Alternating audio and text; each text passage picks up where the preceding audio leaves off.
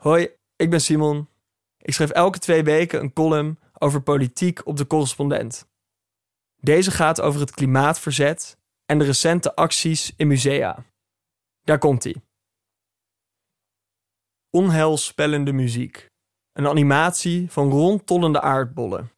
Action now, zegt iemand ernstig, is seen as the only safe insurance.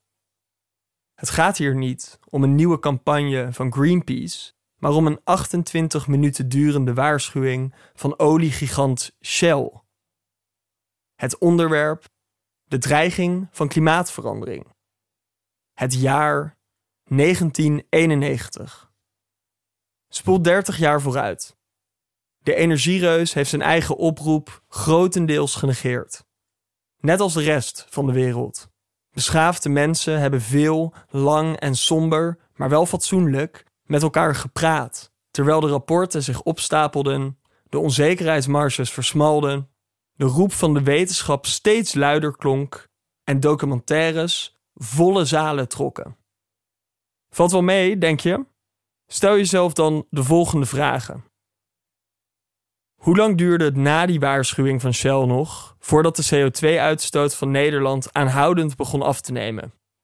19 jaar. Pas vanaf 2010 gingen we minderen. Hoeveel is de wereldwijde CO2-uitstoot afgenomen sinds 1991? Dat was een strikvraag. Die uitstoot is juist gegroeid met bijna 50% Inmiddels gebruiken we wel grotendeels groene energie, toch? Fout. Nog geen 14% van ons totale energieverbruik komt uit hernieuwbare bronnen. Oeverloos gekeuvel zonder betekenisvolle actie. Dat is de omlijsting van het schilderij van onze tijd. Over kunst gesproken, schilderstukken zijn sinds kort mikpunt van het klimaatverzet. Of nou ja, niet echt. In Londen gooiden jonge activisten tomatensoep op het beschermglas voor de zonnebloemen van Vincent van Gogh. Die actie bracht ook Nederlanders en Duitsers in beweging.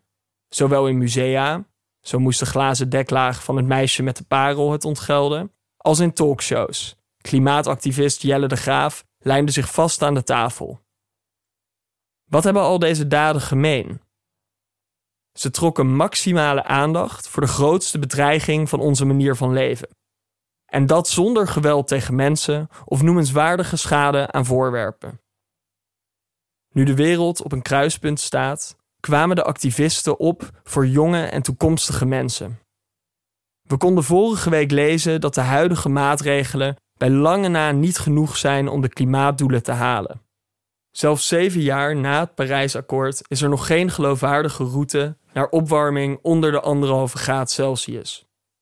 Het passeren van die grens zal onomkoombaar zijn, net als de bijbehorende catastrofes. Mijn generatie en die van onze kinderen gaan dat het hardst voelen. Kijk je naar besluitvorming in de laatste 30 jaar, dan zie je dat toekomstige generaties het telkens weer moesten afleggen tegen korte termijnbelangen van andere groepen. En nog steeds. In het regeerakkoord staat dat de Nederlandse overheid pas in 2030 rekeningrijden wil invoeren. Een Kamermeerderheid stemde in maart tegen het idee om Nederlanders de werkelijke prijs van vlees te laten betalen. En in de voorjaarsnota, twee maanden later, was al 880 miljoen euro uit het gloednieuwe klimaatfonds verdwenen. Zolang we de zorgen van vandaag maar in toom kunnen houden, dan kijken we volgend jaar wel een keer naar dat wereldprobleem met alles verwoestende gevolgen. Als een roker die zich steeds opnieuw bedenkt dat hij eigenlijk wil stoppen en weet welk gevaar hij loopt, maar er dan toch maar weer eentje opsteekt. Activisten zien dit patroon en zijn het meer dan zat. Omdat de tijd dringt en het uitbrengen van hun stem, zeker op de korte termijn, te weinig oplevert, kiezen ze voor radicale actie. Of je dat sympathiek vindt en of het op jou het juiste effect heeft, hangt vooral af van de boodschap die jij wilt horen. Ik bedoel, Denk je dat die actievoerders daadwerkelijk een hekel hebben aan onze vaderlandse grootmeesters? Of vragen ze op een effectieve manier aandacht voor het dodelijk kortzichtige beleid van politici en bedrijven? De serieuze mensen buitelden over elkaar heen van paniek. ongestoord door de gedachte dat hun reacties zelf betekenis geven aan de daad. Vroegbejaarde bronpotten brulden om de kunsten. Protesteren mag, maar dat doe je toch niet in een museum? O tempora, o mores. Dat gebrom kennen we. Protesteren mag, maar niet op Schiphol, hoorden vreedzame activisten eerder.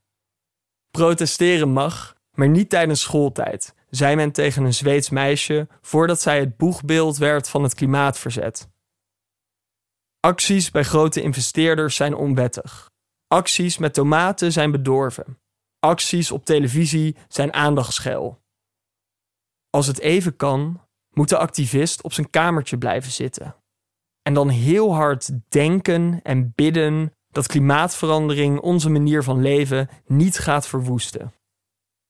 Nu kan het zijn dat jij een van de mensen bent die geloven dat het breken van de wet altijd fout is. Bedenk dan ook, de democratie kan het zodanig bij het verkeerde eind hebben dat geweldloos verzet niet alleen geoorloofd, maar zelfs onmisbaar wordt.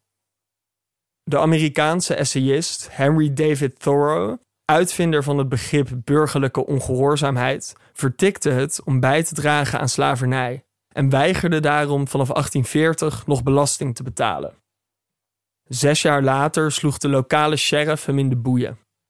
Dat incident schrok hem niet af, maar zette hem aan tot het schrijven van zijn befaamde essay On the Duty of Civil Disobedience. 68 jaar later werd precies die tekst gelezen in de gevangenis door de Indiase vrijheidsstrijder Mahatma Gandhi. De burgerlijke ongehoorzaamheid van Gandhi, die mensen opriep te staken en mee te doen aan geweldloze marsen, bezielde weer een jonge Amerikaanse dominee. We who engage in non-violent direct action are not the creators of tension, schreef Dr. Martin Luther King in zijn letter from a Birmingham jail. We merely bring to the surface the hidden tension that is already alive. Voor grote veranderingen is geweldloos verzet op zichzelf misschien niet voldoende, maar meestal hard nodig. Niet activisme, maar apathie is onze vijand. Dus verstandigen aller landen, jong en oud, verenigt u. Beklad het glas op kunstwerken, blokkeer Schiphol, bezet de Burger King, verover kantoorpanden van grootvervuilers en bevrijd dieren uit megastallen. Wie weet dringt die oproep van Shell, Action Now, dan toch nog door. Het is de missie van de correspondent om voorbij de waan van de dag te gaan. Onze correspondenten voorzien het nieuws van context en schrijven over de grote thema's van deze tijd. De correspondent geeft me de vrijheid om mijn nieuwsgierigheid te volgen en de tijd om verhalen te schrijven. En zo probeer ik onzichtbare structuren zichtbaar te maken en een andere kijk te bieden op debatten die het nieuws domineren. Dan gaat het minder over het spelletje en veel meer over wat er op het spel staat. Vanaf dag 1 zijn onze artikelen, boeken en podcasts gefinancierd door onze leden. Volg ons op onze journalistieke zoektocht. Overweeg eens lid te worden van de correspondent. En maak daarmee samen met ruim 70.000 anderen onze onafhankelijke journalistiek mogelijk. Dus word lid van de correspondent. Ja. Word lid. Word lid.